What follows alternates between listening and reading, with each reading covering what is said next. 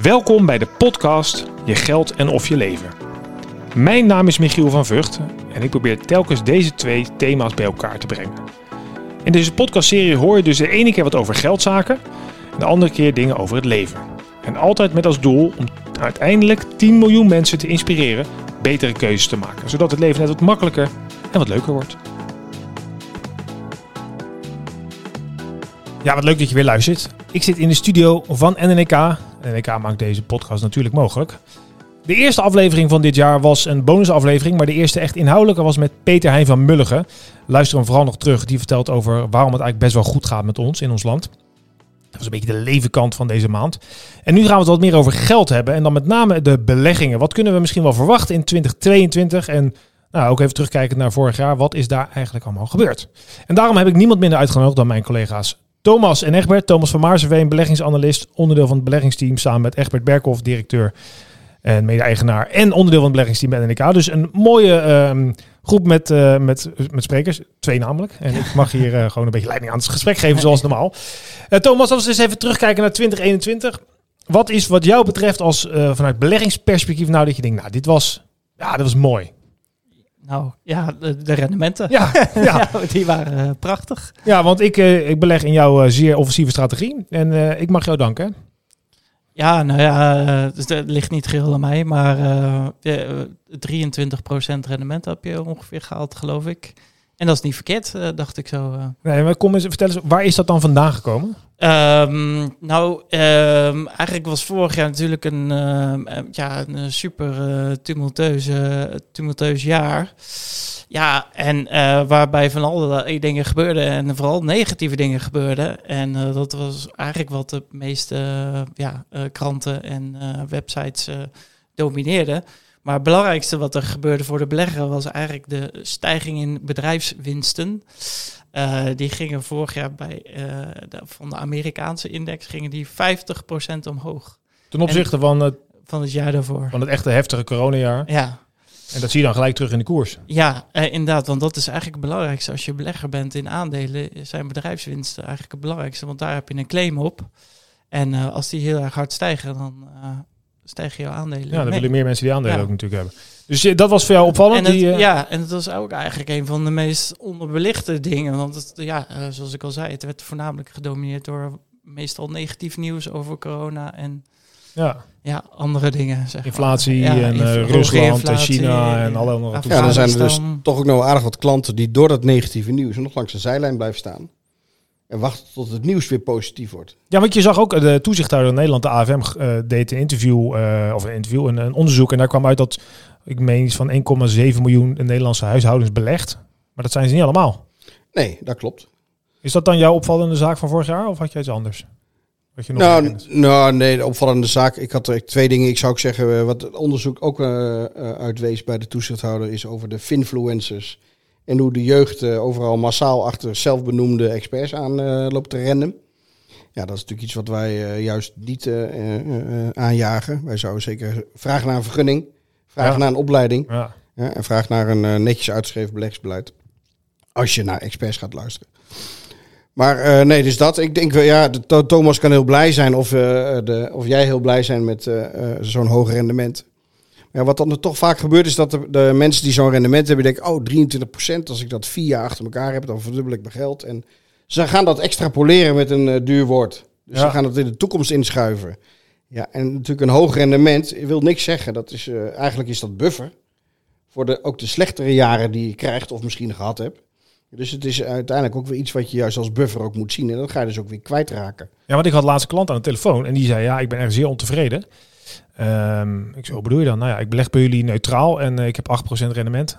En ben zeer ontevreden. Ik zei, waarom dan? Ja, want de AX 27 krijg dat soort. En ik, ik kreeg ook nou uitgelegd, maar dat het iets anders is. Maar ja, dat krijg je dus wel. Het is vertekend. Ja. Wat doe je eraan dan? Ja, nou ja, het beste is, uh, gelukkig hebben wij een hele goede groep met adviseurs die die klant begeleiden naar hun doelen toe. En dus uh, een, ook een duur wordt een holistisch blik hebben. Hè, dus die kijken naar het totaalbeeld van die klant. Ja, van als je gewoon kijkt naar je, naar je totale situatie, naar je inkomen, naar je uitgaven, naar je waarde, je schuldpositie. Ja, en je verdiencapaciteit en je gezins- en je samenstelling en je wensen en je doelen. Ja, dan hoeft dus een rendement, dus een momentopname van dat jaar. Maar dat is altijd wij beleggen voor de lange termijn. En als je op de lange termijn een goed gemiddelde weet te halen, ja, dan zul je vermogen dus uh, ook zijn werk laten doen. Dus dan kan 8% ruim voldoende zijn? Ja, meer, meer dan genoeg. Meer dan genoeg, ja. Ja, dat is natuurlijk wel waar. Hè? Want uh, ik bedoel, iedereen wordt, laat zich vaak makkelijk gek maken. Een stukje hebzucht natuurlijk. Uh, van, oh, dat moet ik ook. Ik fear of missing out. En dan, uh, terwijl misschien, als je niet weet wat je nodig hebt, dan is in principe alles wat je doet ook goed. Maar ja. Ja, kijk, je hoort het wel. Hè. Rendementen, wat ik net even noemde, de finfluencers. Ja, dat is natuurlijk de belachelijkste rendementen die je hoort. Er zit veel BS tussen. Ja, en rendement is een vergoeding voor het nemen van risico. Dus als iemand schemt met een hoog rendement, ja, dan weet je eigenlijk één ding zeker, dan heeft hij ook een hoog risico. Ja, maar nu is alles anders. Ja, nee, vanaf morgen is alles anders. Dat, nee, dat, zijn de, de, dat zijn de opmerkingen waar je op aan kan slaan als adviseur. Zeggen van, nou ja, probeer dan toch veel meer planmatig vanuit dus nogmaals het totale beeld van de klant te kijken naar een belegging. En als de klant hè, daar niet naar wil luisteren, dan is het jammer. Ja, persoonlijk ga ik zelf de discussie bijna nooit aan met de zelfbelegger. Degene die denkt dat hij het allemaal zelf kan. Moet hij vooral doen. En als hij nog een scheur in zijn broek heeft en nog eens een keer na drie scheuren, dan komt hij misschien wel een keertje langs. Maar ik ga het gesprek niet aan. Dat heeft geen zin. Nou ja, ik bedoel, ik heb ook vaak gesprekken op schoolpleinen en op voetbal of tennis of hockeyclubs waar ik ook kom. Althans, als het dan mag, hè. En dan heb je inderdaad, ja, maar ik heb nu een strategie op de bitcoin en het kan alleen maar goed. En uh, dit zal zo. Ja, dit, je, je kan beter maar laten, want dit is... Nou ja, laat, laat het gewoon de ervaringen opdoen. En laat ze, laten we hopen dat ze dat niet met hun, hun, hun echte vermogen doen. En met hun pensioengeld doen. Of het geld wat ze nodig hebben voor, uh, voor allerlei zekerheden die ze willen bouwen. Of voor studies voor later, voor kinderen en dergelijke. Want dan, uh, ja. ja. dan uh, ben je in de aap gelogeerd. Hey, wat vorig jaar, Thomas, ook een, um, een opvallende zaak was, was natuurlijk de hard stijgende inflatie. Met name denk ik een beetje vanaf, het, vanaf de zomer ging die hard omhoog. Met een toppunt in Nederland volgens mij van 5,7% in december ten opzichte van december 2020. Zou dat nou nog iets in de, dit jaar een effect kunnen hebben? Bijvoorbeeld dat de bedrijfswinsten blijven stijgen omdat dat wordt meegenomen in de, in de, infla in de, de inflatie wordt meegenomen in de, in de prijs of zo? Ja, dat zou wel kunnen. Ja. Wat je vaak ziet is dan dat prijzen daar, of de bedrijven daarop gaan anticiperen door hun uh, prijzen te verhogen, die misschien niet direct, uh, want de meeste inflatie komt nu van energie vandaan. Ja. Uh, als je in Europa kijkt, er zijn voornamelijk energieprijzen, maar waarschijnlijk gaan bedrijven zelf die hoge energiekosten die ze hebben weer doorbelasten naar de consument en hun prijs verhogen. En de bedrijven die dat uh, makkelijk kunnen doen, die dus veel ja, eigenlijk producten aanbieden die anderen niet kunnen aanbieden, die hebben eigenlijk het makkelijkste om daar dan hun prijs te verhogen en misschien daar ook nog wel een extra slaatje uit te slaan. Dus kan dus, dat dan voor de belegger gunstig uitpakken? Uh, dat kan voor de belegger wel gunstig uitpakken, ja. Dat kan wel, ja. Maar, maar er ligt er wel voornamelijk aan wat voor bedrijven je dan belegt. maar ja, en het ligt er ook een beetje aan ja, er zijn heel veel factoren die daar van invloed zijn. Maar het kan ook zijn dat we een, een loonprijsachtige spiraal krijgen, waardoor dus uh, de, de werknemers ook meer loon gaan vereisen. Dat is niet goed, toch? Nee, nee dat is niet. Ja, dat is niet per se goed. Nee, ja, het ligt eraan dan de hoogte van die loonprijsspiraal. Dus als dat helemaal uit controle dat wil ik zeggen dat ik zeg, ja, ho, ho, geef mij meer salaris, want de inflatie is ja, hoog. Inderdaad, en daardoor moet het bedrijf ook weer de prijs verhogen om de winst te behouden. En zo houdt dat zichzelf in stand, hè? Ja, ja, inderdaad. Ja. Maar als het over kleine percentages per jaar gaat, dan is het niet zo erg. Want dat is eigenlijk wat we wel... Dat is gezond. Ja, eigenlijk wel gezond. Ja, het is eigenlijk een beetje een soort van smeerolie van de economie, noem ik dat altijd. Houdt het een beetje draaiende. Iedereen gaat een beetje omhoog. Uh, uh, maar ja, als dat uh, met hoge percentages gaat, dan kan het wel eens uit controle uh, spinnen, zeg maar. Ja, en, dat is dan... en dan gaan, moeten we weer het poldermodel weer introduceren. En dan moeten we weer met elkaar om de tafel voor loonmatigingen. Want dat is dan waar in Nederland dan goed in zijn. Maar ja, aan de andere kant, misschien gaat het Malieveld ook alweer vollopen. En willen we weer inderdaad een hogere salaris. Omdat de prijs stijgt. En dan krijgen we de loonprijsspiraal misschien ja. wel. Dus het is een balans. Ja, inderdaad. Maar ja, zover is het nog niet. En het lijkt er nu op dat het nog uh, een relatief tijdelijk karakter heeft. In de zin van de inflatie is nu wel hoog. Maar de meeste mensen verwachten dat het weer wat afzwakt. En het komt voornamelijk uit een aantal sectoren. Uh, dat zal wel deels dan ook wel doorbelast worden, denk ik wel. Maar het, ja, de verwachting is niet dat we aankomende jaren inflatie van 6% blijven zien. Nou, daar was ik ook hoog, omdat het 2020 was het laag. Ja, inderdaad. Dus, je had ook een soort vergelijking tot. Ja, wat ze noemen base effect. Dus het komt eigenlijk van een, een laag, uh, laag niveau af. Dus dan is het makkelijk om harder te stijgen. Ja, precies. Ja. Ja, dat is ook een beetje vertekend. Ja, de want, beurs ook. Als er een beursdaling geweest is, heb je regelmatig een jaar of een jaar daarna een hoge stijging. eh, ja, nou, dat Ah, hoeft niet. Dat is geen garantie natuurlijk, Dat maar dat geen- zie je wel toch? Dat is geen garantie. Beetje als eh, voor de mensen die... eh, dat, Overdrijving omhoog en omlaag. eh, ja, twee kanten op. Ja, ja precies. Mhm.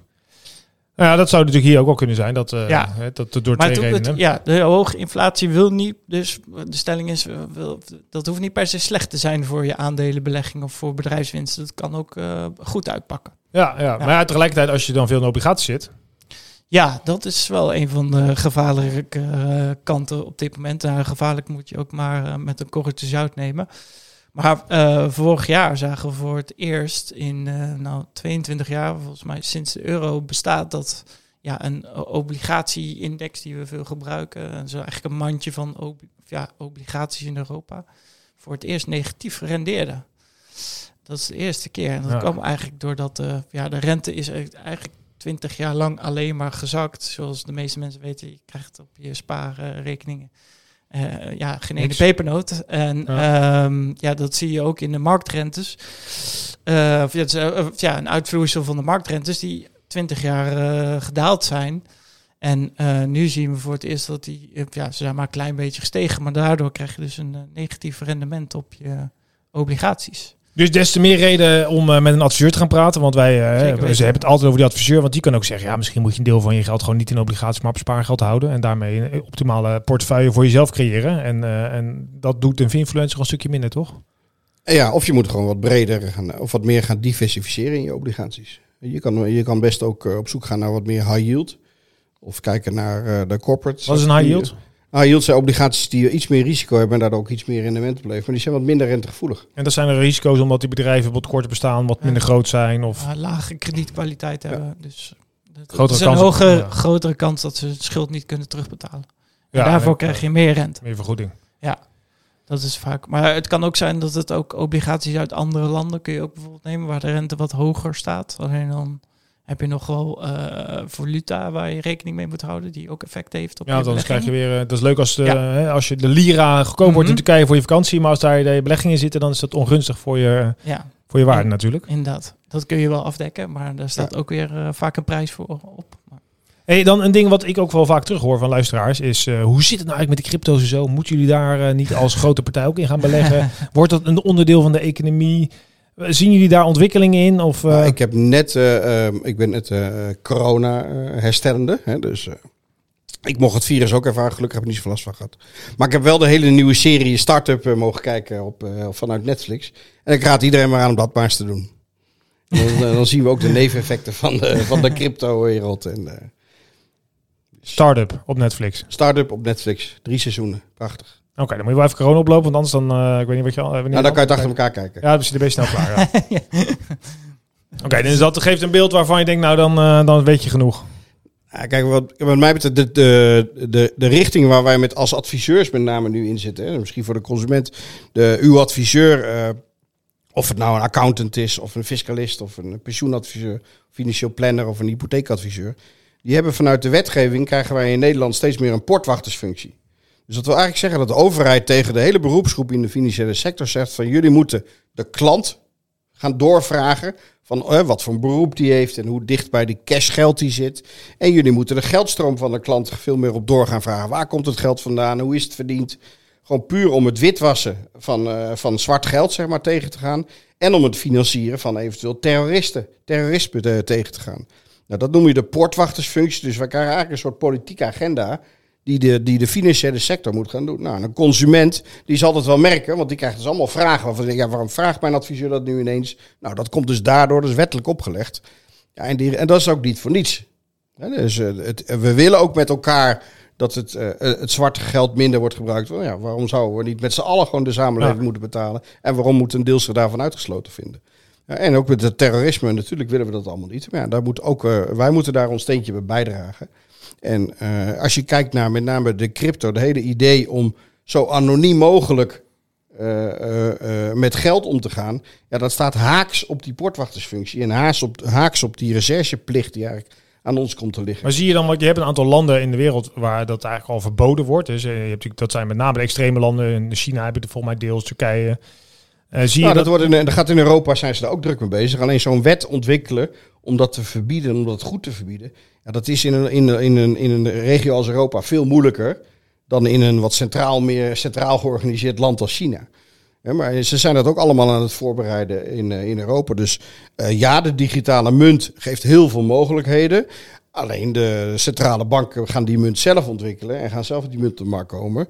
En als er andere partijen zijn die met digitale currency iets willen, ja, die zullen dan dus ook aan de toezichthoudende wetgeving moeten, moeten kunnen voldoen, die dus eh, op de geldmarkt nou eenmaal zit in, in Europa. Nou, daar zijn allerlei uh, wetten voor in voorbereiding. Er zijn ook al heel wat uh, voor uitgerold, ook in Nederland. Ook de crypto-handelaren moeten al bij de DNB een vergunning vragen.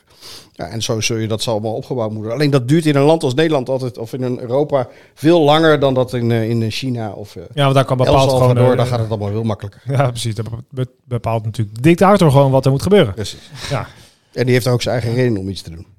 Ja, precies. Hier mogen we dat nog soort democratisch eh, besluiten met z'n allen. Ja. ja. daarnaast, als ik uh, nogal mag aanvullen, is ja, een klein beetje crypto toevoegen aan de portefeuille maakt het al zoveel volatieler. Um, volatieler? Even ja, voor de... oh, sorry. bewegelijker. Uh, ja, de waarde van je portefeuille gaat dat veel harder heen en weer dan dat wij eigenlijk bij uh, sommige risicoprofielen vinden passen. En um, daarnaast is het milieuaspect, uh, het energie-slurpende van het mijnen van die coins, staat een beetje haaks op ons uh, duurzaam maatschappijbewuste beleid. Uh, ja, het is nog steeds zo energie. Ja, ik, ik, ben geen expert als het over crypto's gaat, maar wat ik hoor is dat net zoveel energie verbruikt wordt als wat heel Nederland verbruikt om, die, om bitcoins alleen al te minen, geloof ik. En nou ja, dan denk ik. Nou, dat, speelt natuurlijk, want we hebben in Zeewolde volgens mij dat hele datacenter van Facebook vinden we ook niet, want uh, ja. dat vinden we ook met energie. en dus we zijn daar wel. Het is wel een, iets waar we ons druk over maken. Dan moet je daar. Uh, ja, nou, ik denk dat we het klimaatprobleem wat we hebben, dat we daar wel een beetje kritisch op mogen zijn. Dat we die bitcoins en dat minen daarvan uh, gigantisch veel energie slurpt. Wat we eigenlijk duurzaam moeten gaan maken. Ja. Over die duurzaamheid, misschien is dat een aardige brug.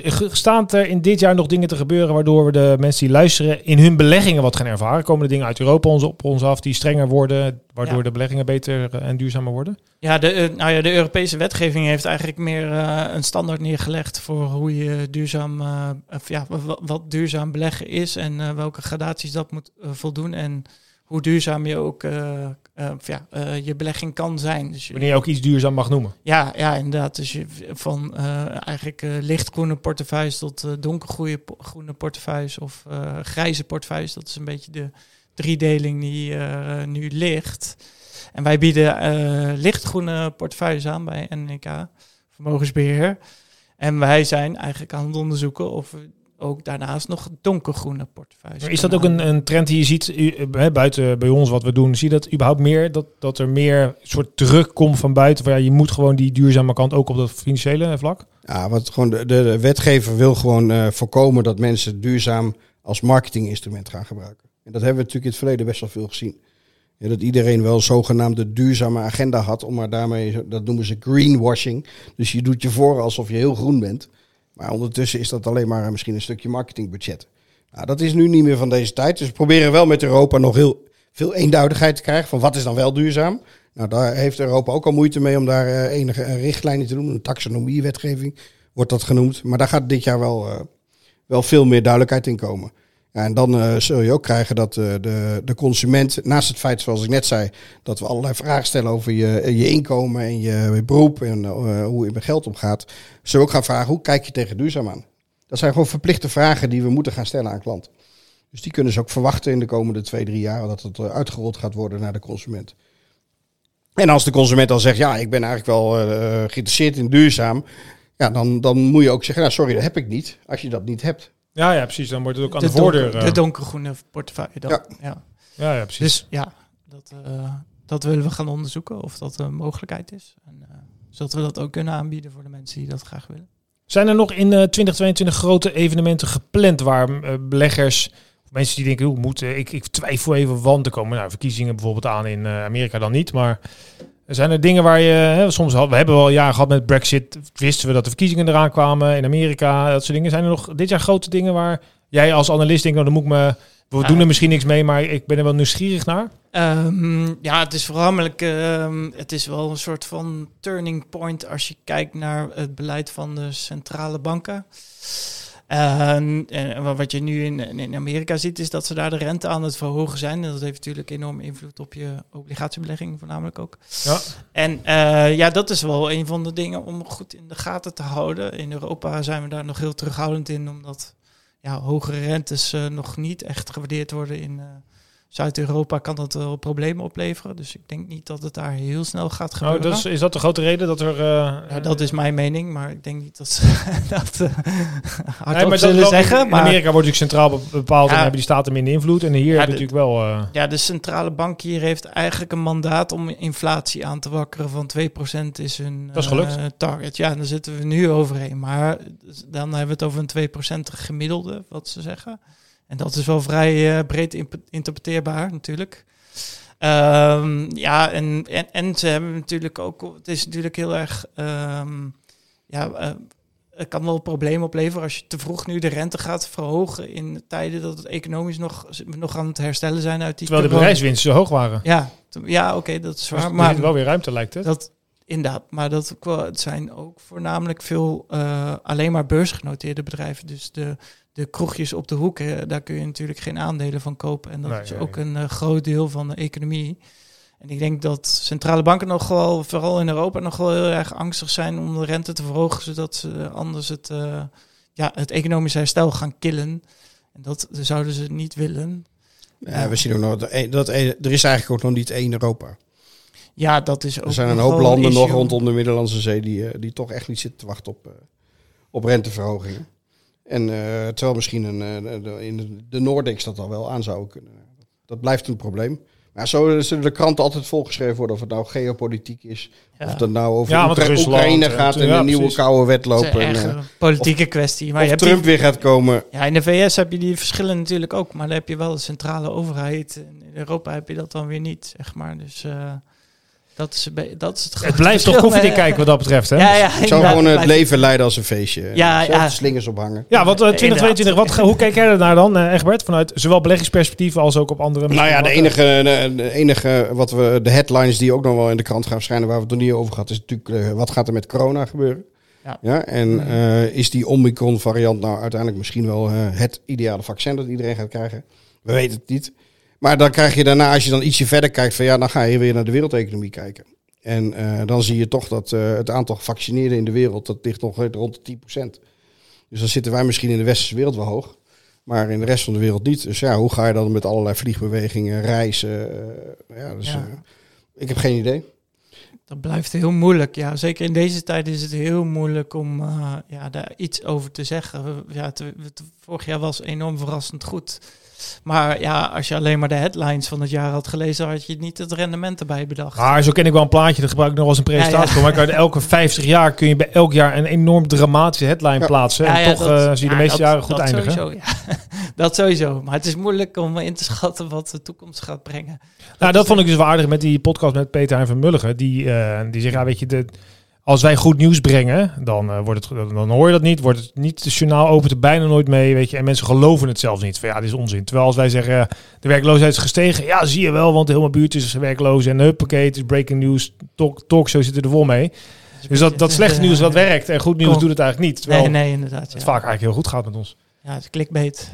Toch? Het is een beetje clickbait, ja. Dus Ja. eh, luister deze podcast, want dan word je een stuk slimmer van. Huppakee, kijk eens wat er gebeurt. Of luister je hem niet, word je nog dommer ook. Nou, dan gaat het nog beter. Maar Ja. dus wij luisteren, wij geloven vaak ook niet dat het goed gaat. En we, we- ja, we kijken vooral naar slecht nieuws. Terwijl misschien heel veel dingen gewoon hartstikke goed gaan. Ja, dat is ook zo. En wij zitten Ja. natuurlijk, eh, hè, doordat we ook daarvoor, eh, dat is ook ons werk, om gewoon wel de markt in, in de gaten te houden. En de economie te volgen en de geopolitiek te volgen in de wereld. Zeker vanuit het beleggingsteam, maar ook rationeel blijven en, en eh, niet op basis van allerlei emoties gaan lopen handelen in de portefeuille. Want daarvoor heeft de klant ons ingehuurd. En de klant zelf, ja, ik zou zeggen, joh, de, de- doe wat je leuk vindt, kijk waar je goed in bent en eh, focus je daarop, om de mensen om je heen. Ja, en eh, natuurlijk, het is altijd leuk om kranten te lezen en talkshows te volgen en de radio te luisteren. Dat is leuk voor bij de koffietafel om erover te discussiëren. Maar ga niet je leven daardoor leiden. Ja, ja, dat zou mooi zijn, ja. En ook je geld niet op indelen. Nee, mooie, mooie afsluiter dit, denk ik. Ja, dus uh, ga naar een adviseur, zoals wij altijd zeggen. Ik zeg het in deze podcast ook al, al jaren. Ga niet je eigen financiën regelen. Uh, laat het doen iemand anders met meerdere redenen. Eén, het is, uh, kost, kost heel veel tijd. Kan je beter iets leuks doen, wat Egbert net zei. Ten tweede, ben je gewoon niet rationeel. Lees bijvoorbeeld een bestseller, net iets slimmer. Fantastisch boek toch, Egbert? Zeker. Ah, fantastisch. Maar daarin lees je ook dat hoe moeilijk het is voor iedereen, inclusief mezelf, om rationeel te zijn. Dus kun je vaak iemand hebben die naar jouw situatie kijkt. Dat is vaak beter. Dus dat wens ik iedereen ook dit jaar. Um, laten we maar afsluiten met het feit dat het hopelijk weer een prachtig jaar wordt met veel goed nieuws. Dat we het hopen, ja. En dat we wereldkampioen worden, dat staat ook nog voor ons. Hebben we helemaal niet over gehad. Ja, Doe dat nog iets voor de beurs eigenlijk, als we wereldkampioen worden? En voor ja, ons, uh... nou, dat is eigenlijk wel. Er zijn onderzoeken dat dat een positief effect heeft. Maar lokaal dan, denk ik. Want ergens ja, moet ook iemand verliezen. Alleen het land dat wint. Ja, dus nee, is... nee, nee, je hebt er echt serieus onderzoeken naar. kan beter een groot land hebben dat wint en een kleintje dat verliest. Als het een nationale moed, uh, uh, ja, hoe noem je dat, stemming van, van, een, van een land beïnvloedt, dan heeft dat ook invloed op de beurs daar. Daar zijn onderzoeken over die daar... Nu een hele beleggingsstrategie bedenken op wat de odds zijn dat een land wereldkampioen wordt, ja, ja. je daar wel of niet in gaan beleggen. Nou, misschien voor een volgende uitzending. Dan kun, je, kun je gewoon eigenlijk, de meeste winst is dan gewoon met Unibet. Gewoon, dan kun je er beter op beleggen. Ja, ja, op de ingooiende hoekschop. Ja, ja. Dan heb je wel een beetje outperformance op de lokale markt. Maar... Of een enorme verlies, 100%. Ja, ja. Anyway, nee, beleggen, maar. we hebben het de volgende keer weer over. Dank jullie er waren. Jullie komen vast alweer dit jaar een keertje terug als het gaat over beleggingsontwikkelingen. Thomas, bedankt. Graag gedaan. Echt ook bedankt. Ook graag gedaan. En uh, jij natuurlijk weer bedankt voor het luisteren. Uh, de volgende afleveringen staan wel een beetje in het teken van onder andere uh, gezond leven. Ik heb iemand die eraan komt over psychologie en een nieuw boek. En we hebben al gepland staan iemand die met criminelen werkt, die zich laten leiden door geld en daardoor crimineel worden. Dus allemaal interessante onderwerpen. Abonneer je dus vooral zo snel mogelijk in je podcast app, Spotify Google, Apple. En waardeer hem dan ook even met vijf sterren, want het doel blijft natuurlijk om samen met jou 10 miljoen mensen te bereiken. En hen te helpen betere keuzes te maken voor zichzelf en de mensen om hen heen. Nou, bedankt. Ik zou zeggen, fijne middag, ochtend, avond. Tot ziens.